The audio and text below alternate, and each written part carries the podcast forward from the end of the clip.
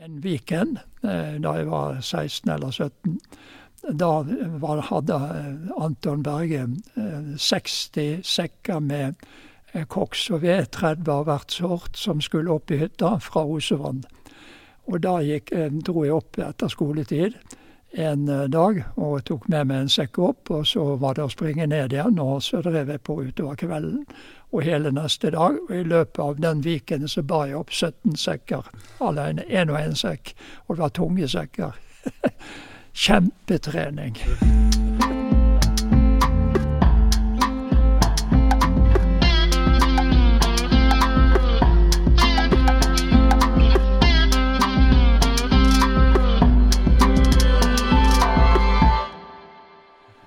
Og han hadde gått skavet på langs i 50 år, fortalte han meg da. Og det har også jeg gjort nå, godt og vel òg. Så da dreier det seg om en periode på 100 år, da.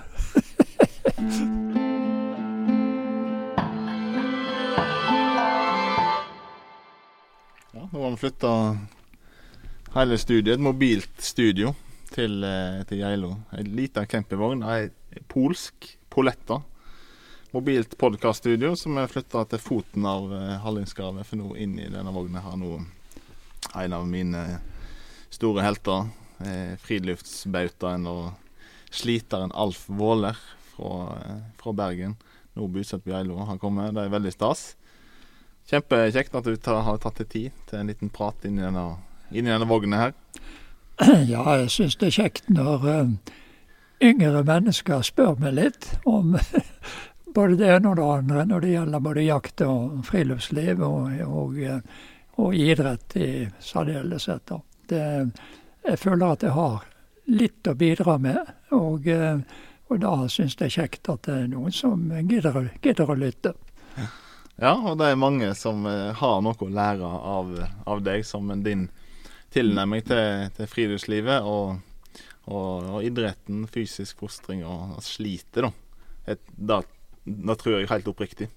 Og ja. det er kjekt å kunne inspirere. Det er kjekt å bidra til at du kan inspirere. Men eh, vi er jo nå på Geilo. Her har du bodd siden 1965. Men eh, du er jo, som vi hører, ikke herfra. Nei da. Jeg ble født i Oslo jeg, i, i 1935. Og eh, familien flyttet til eh, Bergen i Eh, ved krigsutbruddet. Altså, da var jeg fem år. Så hva som foregikk i Oslo, husker jeg ikke så mye av.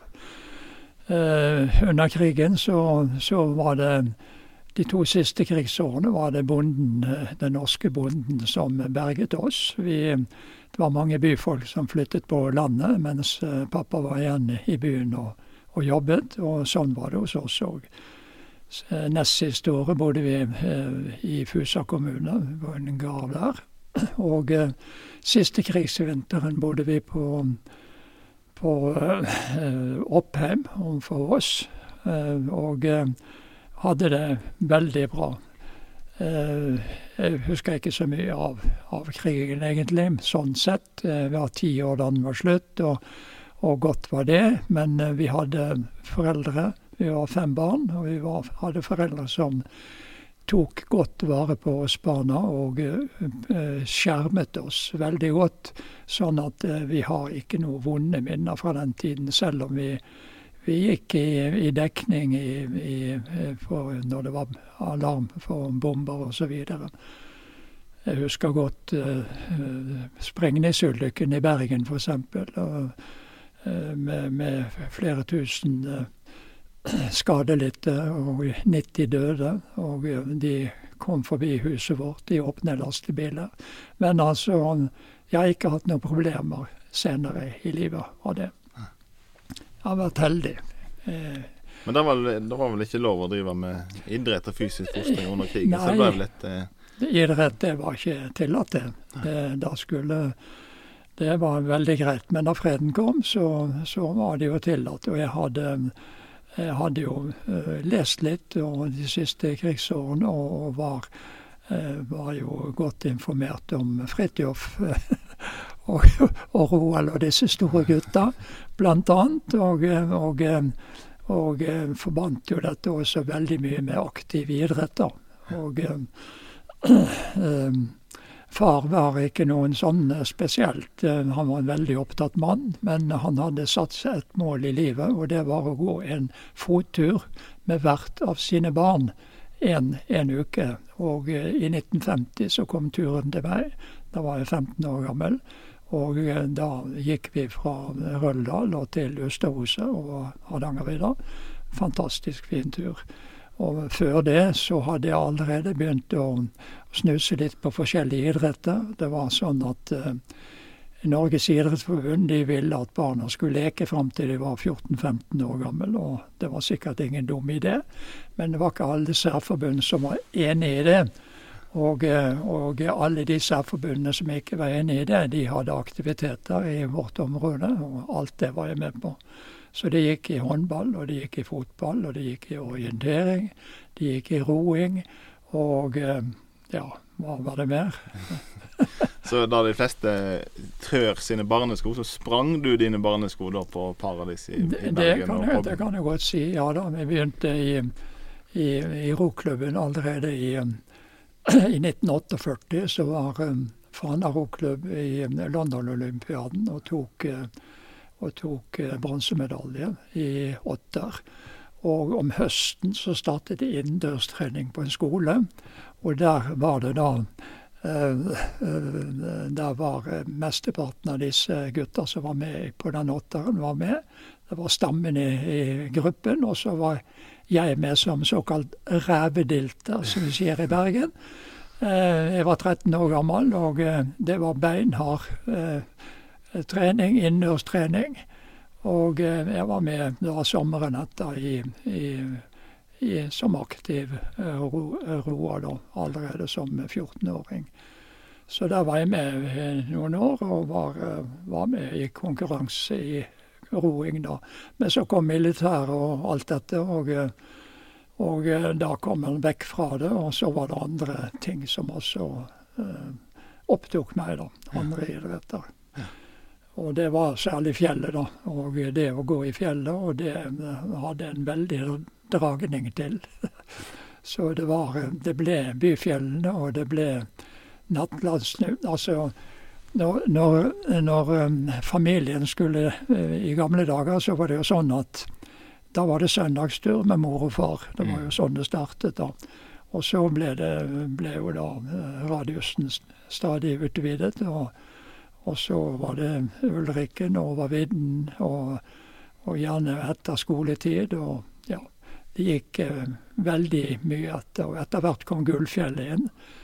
Eh, der var det Da var det òg eh, Da var jeg 16-17, vel, og da bandt jeg skiene på sykkelen, og så syklet vi til Osevann, og så var det opp derfra, da. Og jeg har jo gode minner fra Anton Berge sin tid. Eh, da han var aktiv der oppe og bygge, hadde bygd redningshytten og alt eh, dette opplegget der oppe. Og eh, da, da, var jeg i buljonggjengen først, og det var de som, ja, som gikk på tur og som var Men skulle man være litt sånn oppe i gradene, så måtte man komme i kaffegjengen. Og da måtte man gjøre en innsats. Og det gjorde jeg en weekend eh, da jeg var 16 eller 17.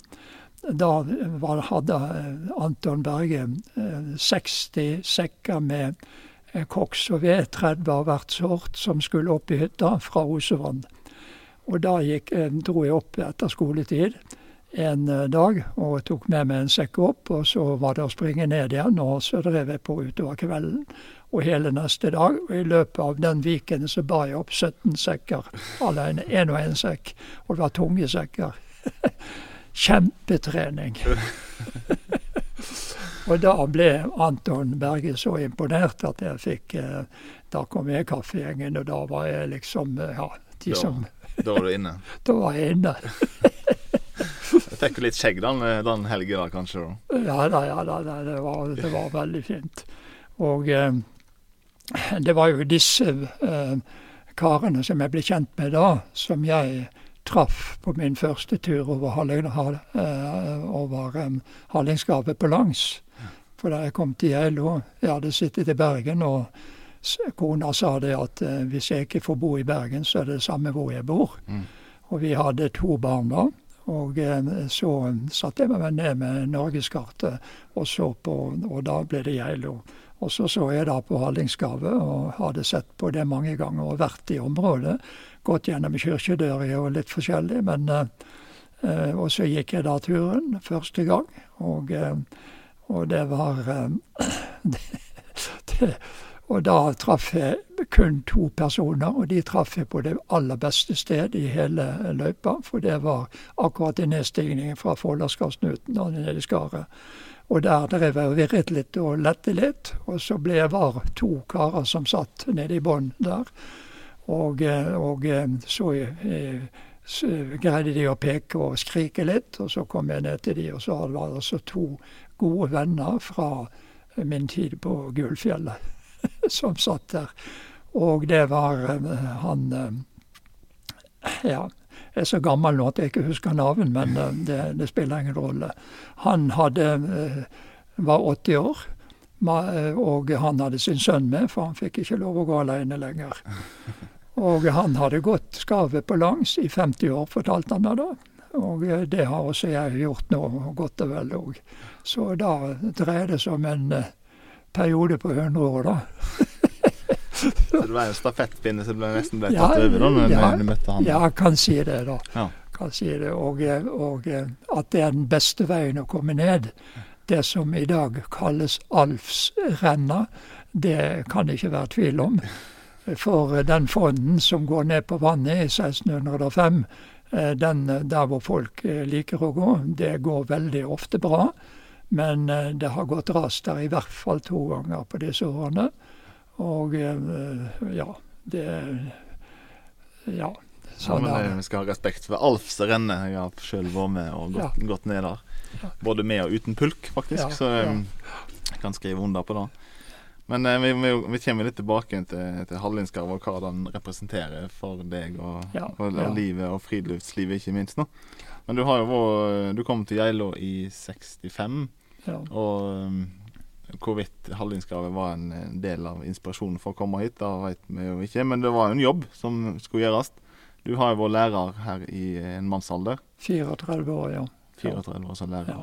Ja. Så ja da. Eh, det var eh, Jeg likte meg veldig godt i skoleverket.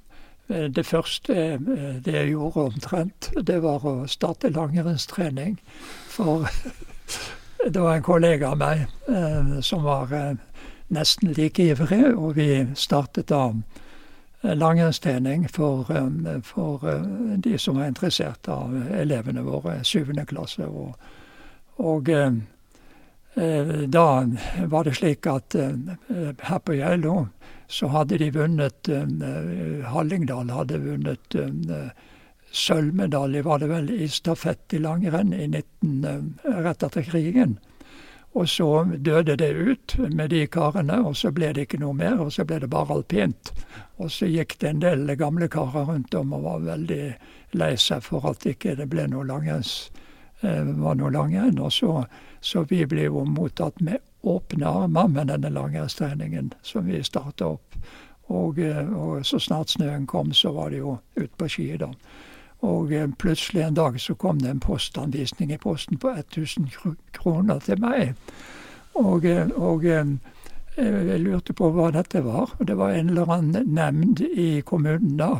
Og de var så lykkelige og glad for at de har startet opp. Og 1000 kroner i 1965, det var masse penger, det.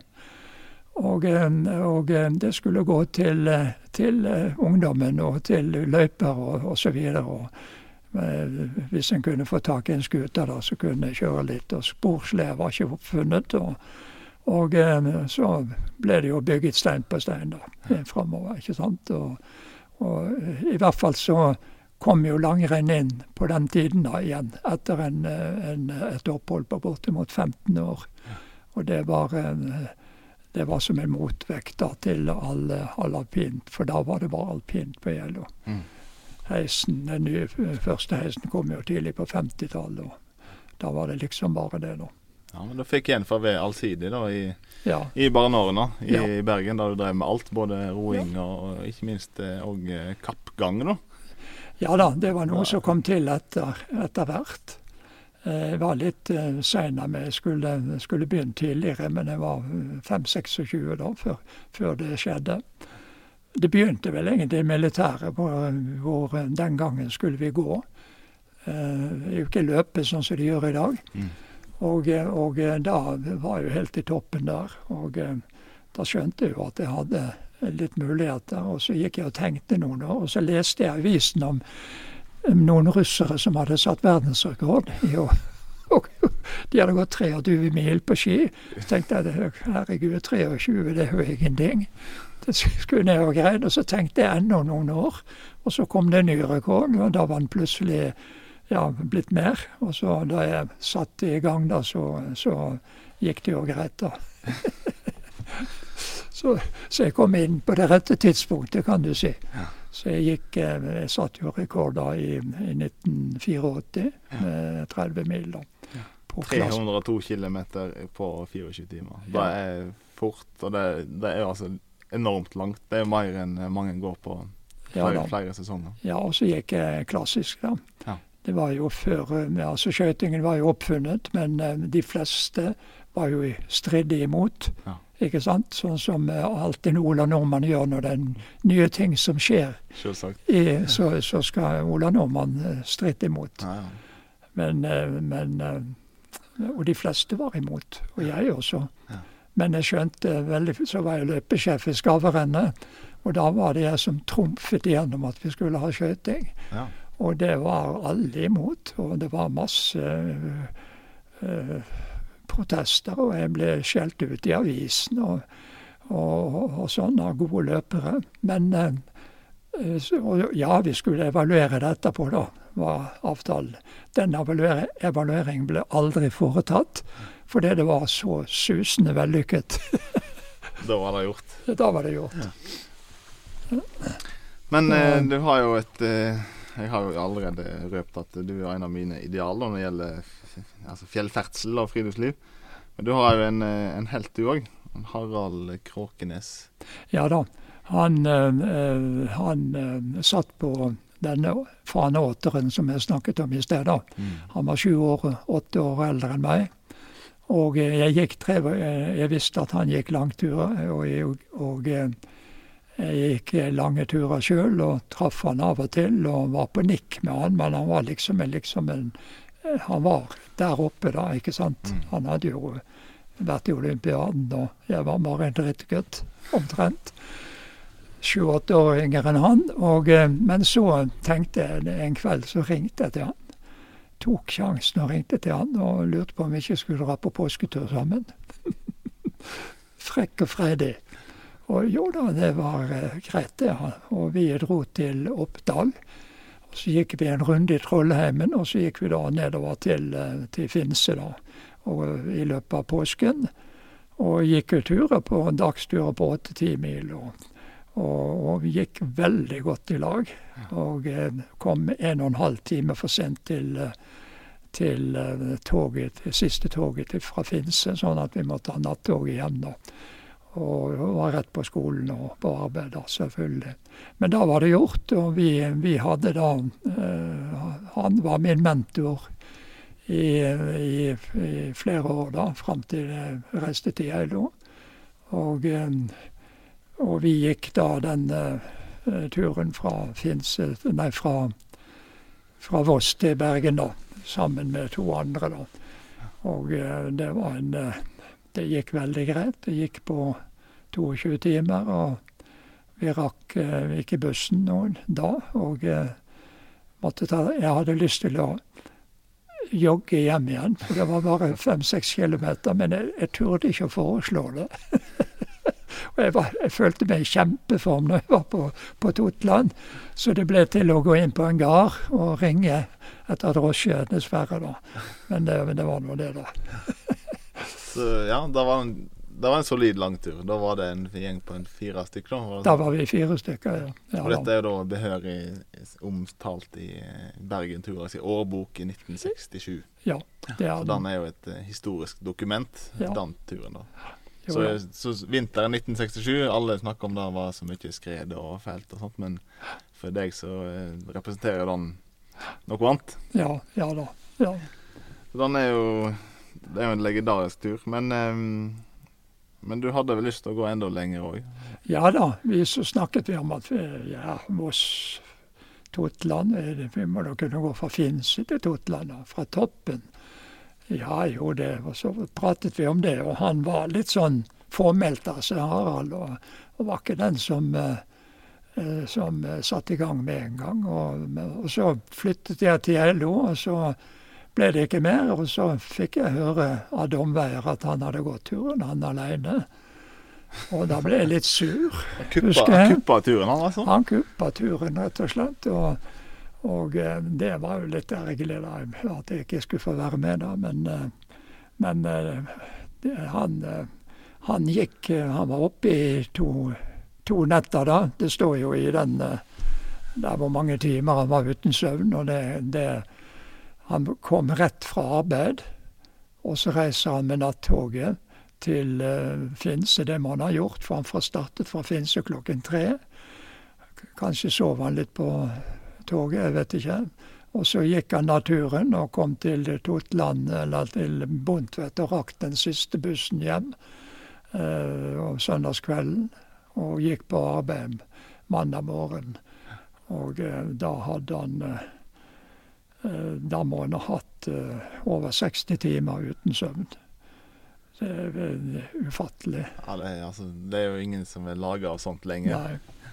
Nei det, er, eh, det er veldig artig for meg å lese om disse her som Disse i dag, da, som går 75 mil. Vanvittig. Ja. Helt vanvittig. Og, og Eh, veldig imponerende. Det imponerer mest, og mest imponert over det er jo det at det begynte å snø mens de gikk. Ja, noe si, Aukland og Ja, Aukland. Og, og, likevel så får de det til. Altså det var Men det er jo litt artig å se da at eh, det var flere som, eh, som var med, og eh, noen gikk eh, 65, og noen gikk 67, og noen gikk eh, 52 osv. Altså, det var ikke alle som, som holdt. Mm. Men han Aukland, han må jo være helt eh, vanvittig. Men tror du han hadde fullført hvis han hadde mist sålen under skiet? For da gjorde jo ja. Eh, vår venn eh, Harald her, da. Ja, det, det vil ikke jeg gi meg inn på. Men, eh, men, men det, det Ja det var Harald og han er kanskje av samme kaliber, da, får en si. Vi kommer ikke lenger med det. Da man gikk på plastski, og da klabba og var fælt. Og... Ja, det var altså noen plastski som eh, ikke holdt på smørningen. Man visste vel ikke om dette med, med, å brenne inn og sånn som man gjør i dag. Og dessuten så var det ikke den rette, eh, rette plassålen heller. Dette var jo på 60-tallet. Og det var bare forsøk, forsøk hele tiden. Inntil eh, dagens ski etter hvert kom, kom eh, på mote, da. Mm. Men um, friluftslivet byr jo på så mangt. Det er jo kjekt å slite. Og, og Erling Kagge har sagt at uh, naturen er fin, men han er enda finere hvis jeg er litt sliten, sa han en gang. Ja. Og da tror jeg kanskje du deler akkurat da. Ja, det er jeg helt enig i. Det er helt enig. Jeg har um, Altså, altså eh, Jeg prater om den eh, innendørstreningen. Eh, det er første gang jeg har hatt et kick. Og Da var jeg altså 13 år gammel og trente med de store gutta. Og da hadde jeg, jeg kom hjem og kjente nærmest endorfinene som skvulpet i skrotten. Og, og var veldig Altså, det var en sånn egen følelse i kroppen, og den følelsen har jeg alltid vært på jakt etter. Mm. Eh, og den, derfor så er det Og så er det noe med dette med Dette har noe med gener å gjøre, og lang muskulatur og sånne ting. Jeg liker eh, Sånn som 10 000 meter kappgang fikk jeg aldri til, for det var altfor kort. Og eh, disket ble jeg også av og til, fordi at eh, ja, man måtte gå fortere. Det var en slags sprint. Mens jo lenger det ble, jo bedre var det. Så derfor var timilene det, det, det for meg, da. Da gikk, da, da gikk det veldig bra. Så der, hvis jeg hadde fortsatt Altså, det eneste idretten jeg egentlig har hevdet meg noe i, det er kappgang. Ski var jeg egentlig ikke noe sånn Jeg gikk dårlig teknisk på ski, og, og lærte først skikkelig skiteknikk. Lærte jeg i den grad jeg kunne lære, av Martin Hole. Ja. Som, som, På Geilo. Og det var lenge etter mange flere tiår etter jeg kom til Geilo. Mm. Jeg hadde dårlig eh, tyngdeoverføring. Eh, fordi jeg hadde bare gått i, i Bergen da, og opp og kjørt ned igjen, ikke sant. Og, så, så, og, og jeg, jeg hadde egentlig ikke anlegg for ski heller. Men, men jeg har lært en, en del teknikk der, og det, det går ganske bra, da. Ja, så du har banka gjennom 500 mil på en sesong. Ja da. Det er jo Ja og selvfølgelig Det var, nesten ingen som gjør etter det. ja, det var vel en av de sesongene jeg drev på leirskole, tror jeg. Ja. Og da, da hadde jeg eh, Da hadde jeg eh, kun uh, Altså, da hadde jeg jo skinnet på beina hele tiden. Og, og, og så var det kortere skoleår også der. Og, så det hadde, jeg hadde det veldig fint de tre årene jeg var der. Men Du har aldri angra på at du flytta til Geilo? Nei, det har vi aldri angret på. I, ikke verken Randi eller jeg. Og ikke barna heller. Og, og vi fikk eh, barna i den retningen òg. De var med på ski. Og eh, jeg hadde de veldig med når jeg trente. Eh, jeg, eh, vi hadde en ryggsekk full av gode god drikke, og så satte jeg den på et sted i lysløypa. Så gikk vi i hvert vårt tempo, og så hjalp jeg til når, når det, var, det var eh, snakk om et eller annet. da, ikke sant? Og da fikk jeg trent sjøl, og, eh, og barna var ute. Og eh, ja, det ble litt sånn og eh, Det var ikke alltid det gikk så greit da, med fire barn, men, eh, men, eh, men eh, det var veldig moro. Det var ingen som valgte den idrettsveien, da, og det er helt greit. Eh, eh, Eldstemann har jo hovedfag i friluftsliv Mm. og driver i, i bransjen på sin måte. Og sankere er de omtrent alle sammen i naturen. Mm. Og det er, det er veldig fint. Ja, har de Føler du at de bærer arven videre? Ja, det, det er akkurat det der eh, med, med, med, med, med, med å gå turer og, friluftsliv og i det hele tatt. Det, det gjør de, Mm. absolutt. Men dette Også- kicket du snakket om, altså, du, får det i, du får det i fjellet, eller er Ja, altså når jeg går Når jeg trente, ikke sant. Jeg, jeg gikk, eh, har jo gått Birken nesten 50 ganger. Mm. Og da er det trening og atter trening. Og, og, eh, og da, da, da er det den, den følelsen, den var jeg alltid på jakt etter. Og den, eh, den, eh, den sammen med opplevelsene og det å det og, og, og så på rolige turer i mai og juni, f.eks. For, for meg sjøl.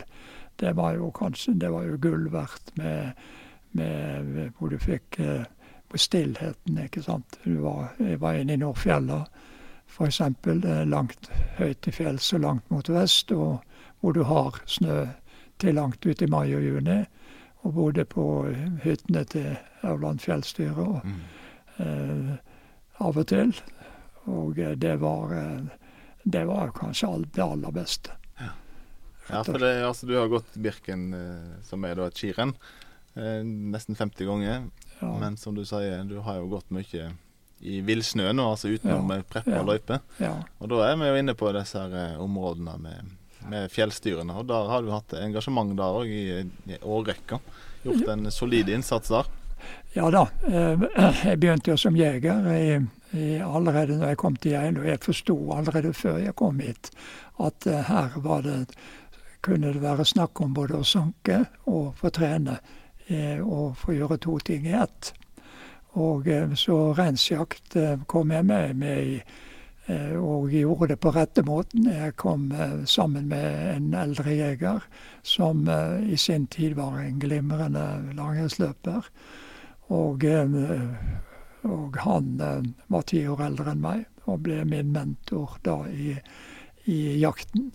Og i de 15 årene da, fra 65 og fram til eh, 80, så drev jeg som jeger og, og, eh, og jaktet. Og skjøt rein og gikk langt og bar tungt.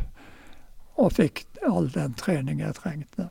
Og så var jeg interessert i å, å, å, å gå litt jaktoppsyn, for da kunne en nå få dekket i hvert fall eh, bensinregningen når en skulle ut.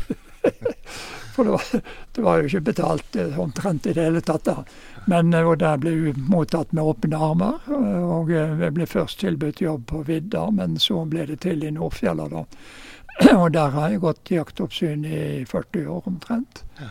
Og, og, det har vært en veldig, veldig fin tid. Jeg har lagt veldig mye vekt på Eh, på, eh, på human avliving av dyrene.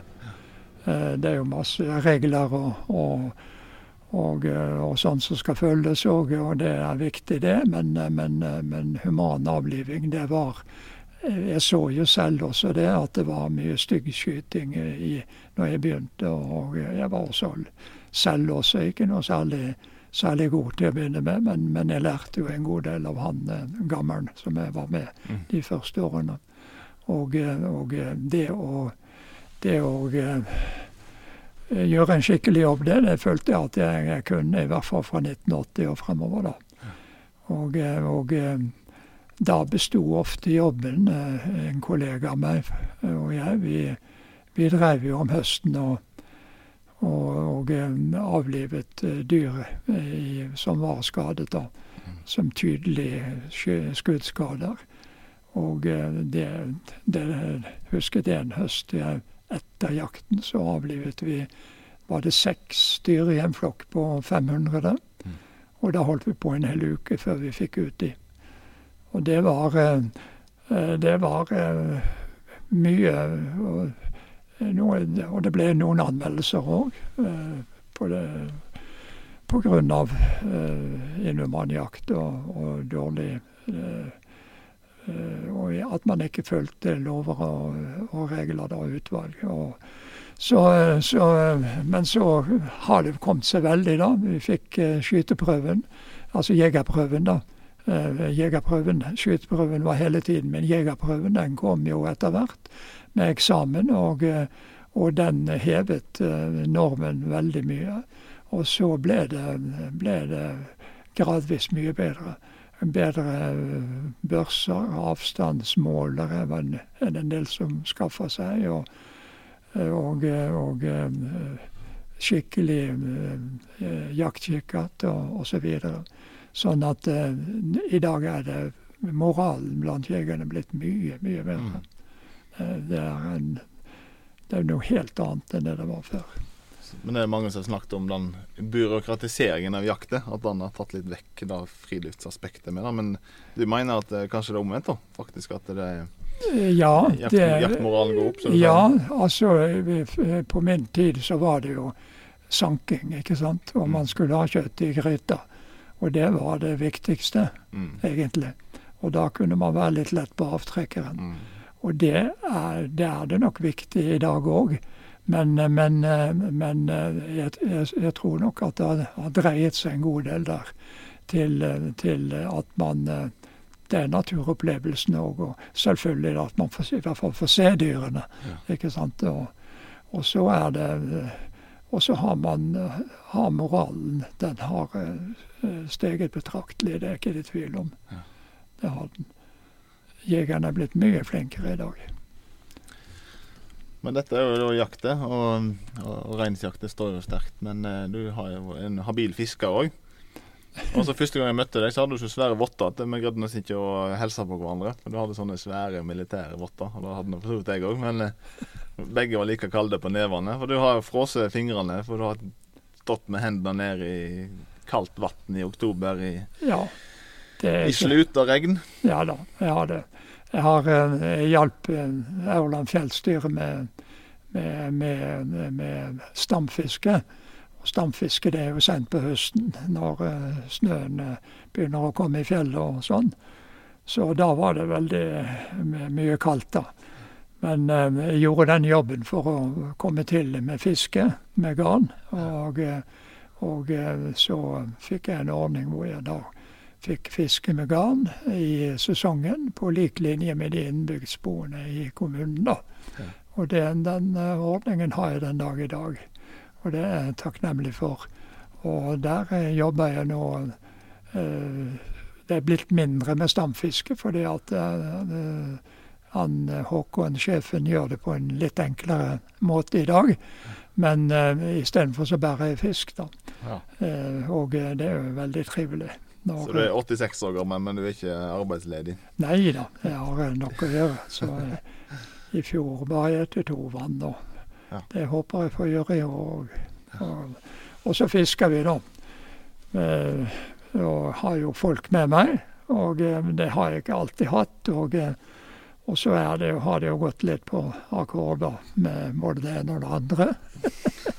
så det har vært noen historier hvor, eh, hvor det kunne gått galt. Absolutt. Ja, altså, er det vel de historiene du ikke forteller når du Det, det sier jeg ikke noe om, nei. Det kan jo være for det er sånn som jeg ikke sier hjemme heller. Nei. Nei. Så du får ikke med de eksklusivt? noen av historiene har jeg latt gå til min eldste sønn, men, men han har vært dum nok til å fortelle det videre. Eh, erfarer jeg på hans venner igjen. eh, Og da går praten fort, og da skal en være litt forsiktig. Jeg har jo fått eh, glede av å se en liten beskrivelse av deg her, da, i eh, Geilo-posten. Du fikk noe som heter Bardølaprisen i år 2000. Og der står det en del om eh, dine, dine eskepader i fjellet. Det er lange skirenn, og det er kappgangmarsj etter militærmodell. og Turer fra Krekja til Finse, og du har tatt nattoget til Finse og gått eh, Østerbø til Aurland på ni timer, hjem igjen til toget hjem igjen, og rett eh, for å bygge på huset ditt. Så står du her til slutt da. Eh, egentlig syns jeg det aller kjekkeste er å plukke bær. Det er jo, det er jo ja da. Det er, eh, altså det hele familien er lidenskapelige bærplukkere, men jeg er den nok den desidert verste. Og mine søsken òg er også liker veldig godt det. Og eh, Nei da, jeg har eh, eh, jeg har det jo Jeg er jo veldig sånn idrettsinteressert, og, og jeg er interessert i rekorder. Og da, da satte en sånn eh, kreklingrekord et år. Da plukket jeg 120 liter krekling på en dag. Og hva skal du med det da, Alf, sa folk. Jo, da lagde jeg saft. Da presset jeg eh, saften ut og fikk 60 liter saft av det. Og av de 60 literne de, så blander jeg det ut når det, saften er ferdig med, med, med, med, to tredeler vann, var det vel. Eller to deler vann, var det. Mm. Sånn at det ble tre deler til sammen, og da blir det 180 liter. Og eh, når jeg da setter til litt sukker og sånn, så blir det da eh, 360 halvlitere. Og da har jeg eh, Og dette frøs jeg da, selvfølgelig. Og så hadde jeg da til, til hver treningstur en halvliter med hjemmelaget kreklingsaft. Ja. Mye bedre enn alle disse her sportsdrikkene som man får i dag. Der kan man jo lese litt, eh, litt både det ene og det andre om, da. Eh, Det, det er ikke alle som er like begeistret for de. Ja, men det er bra. Da fikk du 360 porsjoner. Det er nå en, eh, nesten et helt år, da. Du Ja. trener jo litt hver dag, har jeg skjønt. Ja da, jo det. Men eh, vi har jo posisjonert dette her eh, st- studioet skråstrek campingvogner så nærme Hallingskarvet som vi kommer. Vi Ja. er da i Hafsdalen. Og her har vi kommet på ski i lag ned en gang. Eh, og vi må, vi må snakke litt om Hallingskarvet. Denne store, breie, lange, av og til brutale armen mellom øst og vest. Som binder Mm. Finse til Hallingdalen, egentlig. Du har jo gått over der flere ganger enn en noen andre. Eh, er det noe hos... Ja, skal vi begynne med? Hva representerer Hallingskarvet for deg? Er det en eh, Ja.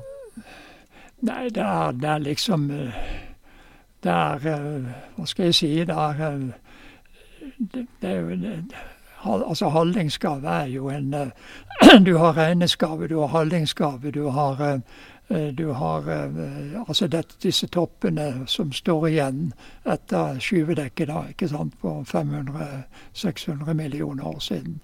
Og så er det jo Hallingsgave og Folldalsgardsnuten det er jo det høyeste fjellet i i, i Norge, i Sør-Norge, sør for, uh, sør for Jotunheimen. Ja.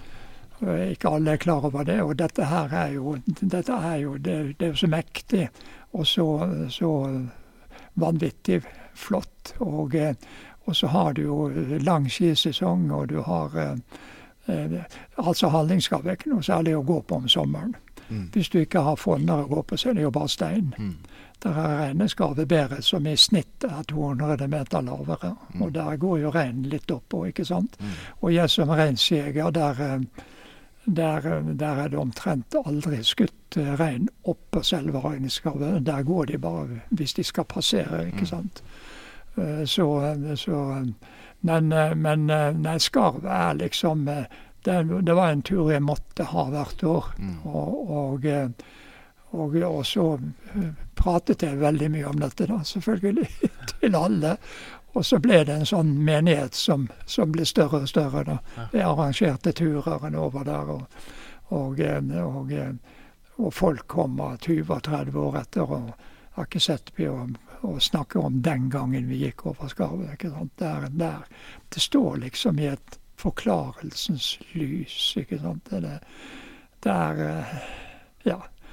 Og så er, er det så mektig. ikke sant? Du har ingen verdens ting der å gjøre når, du, når det er eh, Jeg husker når du eh, Nå kan jeg være litt slem med deg. Når du hadde tenkt å, å arrangere en sånn løp over, over skarvet. Og det, det, er flott, det. Det, det er ungdom som kommer med de nye ideer, og det liker jeg. Og så, og så fikk du vel spørsmål om Eh, og Da var Røde Kors og politiet på Geilo veldig betenkt om, på dette her. Eh, de hadde skaverenn og mer enn nok med det, og så skulle de ha et Og da var det at eh, du, du fikk beskjed om å liksom legge en plan, og det gjorde du vel òg, og, og, og hva, hvor mye hvordan det skulle se ut. Hvordan være terskelen for å, å ikke avlyse. Og da hadde du vel kanskje sagt noe om stiv kuling og, og 20 meter sikt. Og er det, er det riktig? Det er riktig. Ja, og det er, for å si det rett ut, veldig tåpelig. Du er slem med deg. Men altså, det er helt greit, fordi at du, du, du, visste ikke om dette. Altså Skarvet det ligger mellom øst og vest. Halvparten er på vestsiden, halvparten er på østsiden. Det er et værskille på Skarvet. Og, og, og, veldig ofte så er det skyer og, og, sånn der oppe. Og, og husker du, du var inne på dette, du har jo GPS. Ja da, vi har GPS, og kjempefint det. Og, sånn, men, men, hva er vitsen med å gå opp på skarvet med en GPS? Da kan du like godt gå i, rundt hytta di, ikke sant, i samme, samme sikten. Og, og Eh, så endte det jo med at du med Hallingsgravseminaret. Og da fikk vi det på rett kjøl, og så hadde vi en kjempetur etterpå det. Ja, det ble veldig fint. Ja, og, eh, og, eh, og, det er jo sånne ting jeg liker, når jeg kan få få Jeg er veldig mange som har snakket, jeg har snakka med, og som ringer til meg, og, og, og som jeg har gått på tur med, og som jeg har tatt med. Og, og, det er folk som er da genuint interessert, sånn som deg. Du er et kroneksempelet på det. Veldig kjekt å samarbeide med slike folk. Fordi de, de, de kan det de kan, og de, de, jeg kan lære dem lite grann, da. Eh, I all beskjedenhet. ja, vi hadde en liten samling på Finse, da. Det var vel i 2015, dette, da. Ja. Um, og da gjorde vi om dette planene da, med å ha et løp oppe der, og så hadde vi felles, fellestur med, som begynte med en sånn jovial samling på Finse. Ja. Da satt jo selveste dronning Sonja i, ja. i salen, da. Eh, hun var nå fjelldama på linje med resten nå. Ja. Stein Torleif Bjella var der. Eh, og jeg skjønner jo etter hvert at den, den eh, respekten hallingene spesielt har for hallingskarvet. Den Ja. er stor, altså. Eh, Hva var det Stein Torleif Bjella sa da? Han hadde, han hadde vært med bestemor si og støla oppunder skarvet. Og hun hadde sagt til han og sett han dypt inn i øynene og sagt at oppå der har du ingenting å gjøre, for der kan du dø. Ja, Det nettopp. er, Ja da. hvis det er inn- innslagspunktet, så skjønner ja, jeg at det, her skal jeg kjenne, her skal han, kjenne ved alfahann, altså. Ja. Nei da, det er, det, er, det er helt riktig det. Og eh, da jeg kom til jeg da, så, så hadde jeg jo sittet og sett på kart ikke sant, i Bergen, og der må jo være bra å gå. Mm. Men jeg hadde ingen, jeg visste ikke at han kompisen min hadde gått der i 50 år. så, og så kom jeg hit og tenkte jeg da skal jeg snakke med kjentfolk. Og så gikk jeg først på idrettslaget, nei der var det ingen som hadde det. Og så gikk jeg på, på um, Røde Kors. Nei, de oppå der hadde ikke vært. Og nei, ingen som hadde gått til det skapet. var ingen som gjorde. Så reis, snakket jeg med reinsgjetere, for det var tamrein i området. Nei, altså de var kjent i alle bunnene på nordsiden og innunder skarvet, men opp, på skarvet nei, og gjennom Folldalskarvet, OK, men ikke oppå skarvet. Hadde ingenting der å gjøre. For der hadde ikke folk noe i fjellet å gjøre. Nei. Ikke sant? Når man gikk i fjellet i gamle dager, så gikk man for man hadde et ærend. Mm. Man skulle se til, eh, til beitedyr, man skulle ha jakt og fiske, man skulle sanke bær og, og, og så videre. Mm. Men, eh, men, eh, men det som er nytt, er at man skal ikke være redd for skarver. men skal, man, man skal lære seg. Og eh, ja. Ja, og så er det på en generell basis det med fjellet at en kan aldri tøye grensene for mye. Altså. En må, kan aldri temje fjellet. Det er fjellet. Nei. Naturen vinner alltid. Ja. Sånn er det bare. Ja, Og det må eh, ha eh, respekt for da. ja. Og så litt grann om det der. Det, har jo, det var jo en stygg ulykke i, på 50-tallet hvor tre stykker omkom eh, på skavet. Mm. Og de ble ikke funnet før én datt utfor, og to stykker ble sittende igjen oppe ved, ved eh, ja, midt på skarvet, da, Og ble funnet eh, Det var veldig dårlig vær den påsken.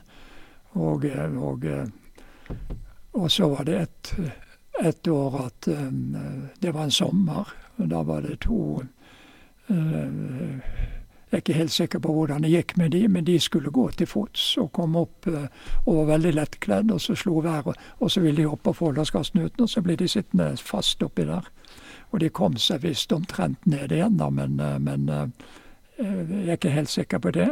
Og så var det en kar for ja, en del år siden da, som, som gikk opp skarvennen og gikk bortover skarvet og kom ned ved Hyllund. Men så var han så utmattet at han eh, døde da, på vei ned. Så, så det skjedde ulykker stadig vekk.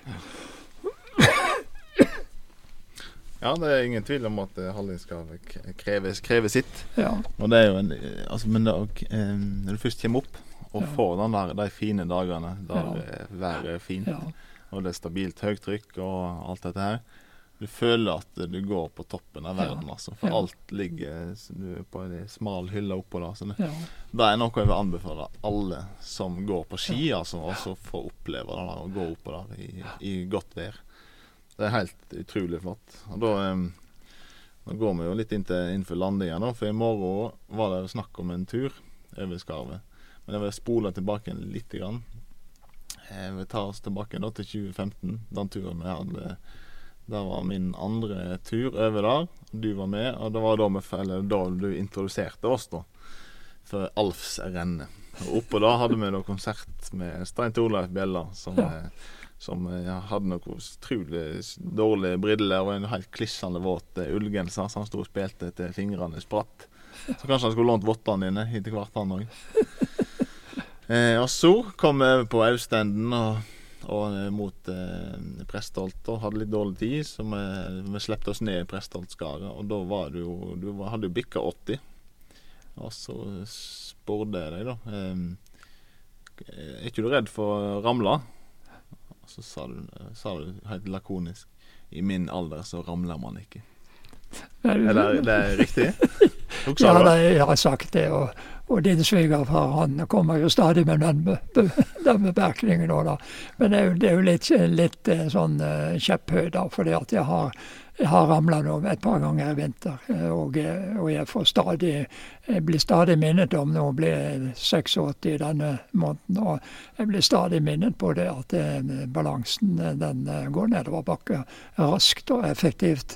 Og, og, jeg må være forsiktig. og Så jeg jobber kontinuerlig med saken.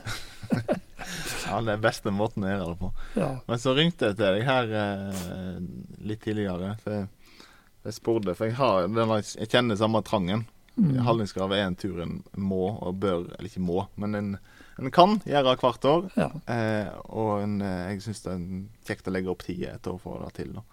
Og så ringte jeg til deg og så spurte om du hadde lyst til å være med, eller om du hadde planer om det. Så sa du ja, altså du bikker snart 85, men jeg er meget motivert, sa du. Ja, ja nå i vinter, ja. Ja, ja da.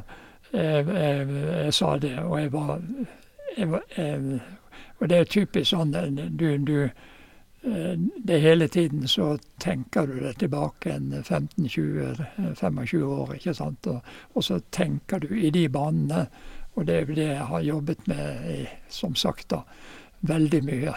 Og Eh, og så skjer det, etter du, vi hadde snakket sammen, så skjer det et par ting i løypa da, som ikke burde skje.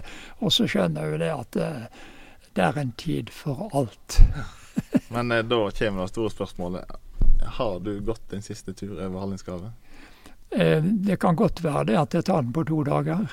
For jeg har alltid tatt den på én. Og jeg ser jo det at rett som det så er det folk som ligger i telt oppå der, og, og jeg prater med dem. Og de, og, og, vi har jo Lordehytten i Folldalskaret, som, eh, som eies av Hol fjellstyre, og som er, eh, står, står ulåst og som er brukbar. Den er renovert òg? Ja, ja da. Mm. Og, og, og, brukbart når man har utstyr med seg da, ja. til overnatting. Så det kan godt være at det gjør.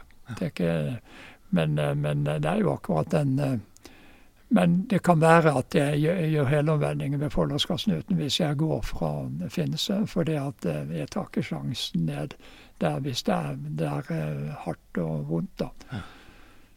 I alle år så var det jo sånn at når en, eh, det var de fire flotte dagene, og så var det, hadde det vært nattekaldt. Og så i den i Folldalskaret så ble det som en gryte. Og når vi da kom ut sånn i ti-elleve-tiden, og skulle ned der, så hadde solen gjort med snøen sånn at det var greit å komme ned. Så jeg hadde aldri problemer med å komme ned der, men problemene har kommet med årene. Men hvis du da skal gå turen på to dager, og du skal bo i telt, og du er da snart 86 år, da må du bare love meg én ting, at du ikke bærer det teltet sjøl. Da må du ringe til meg, så kan jeg bære teltet for deg. Da kan jeg lyst, kjempelyst, og jeg, jeg, er meget motivert for å være med på den turen der. den, den, den, det der skal jeg huske. Veldig, veldig bra. Veldig bra. Jeg har Ja da. Det er godt med hjelpere. Vi, vi, trenger det. ja, det er tid for alt, som du sier. Så det, ja, da skal vi ære å kunne bære det teltet. Om det er så. Men i morgen var det snakk om en tur. Vi er jo ute i juni nå, og vi har kanskje gått en stund til før dette kommer ut. da. Men, men eh, den turen ser, ser, det ut som ikke blir noe av. Eh, for Du har jo sagt at du må ha et stabilt høytrykk for, for å kunne iallfall begynne på turen på, på vestdelen. av det. Men eh, kanskje det blir en annen gang? Kanskje det blir til neste år? Ja da, det, det, blir alltid sjanser hvert år. Du må så. bare ikke tryne i løypa og ødelegge deg. Så. Nei, nei jeg, skal, jeg, skal, være litt forsiktig. Så ja da.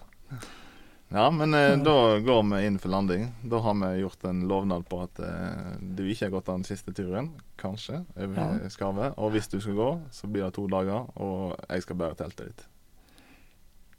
Da har vi en avtale. Flott. Takk. Ja, men da eh, sier vi takk for i dag. Takk. Takk skal du ha.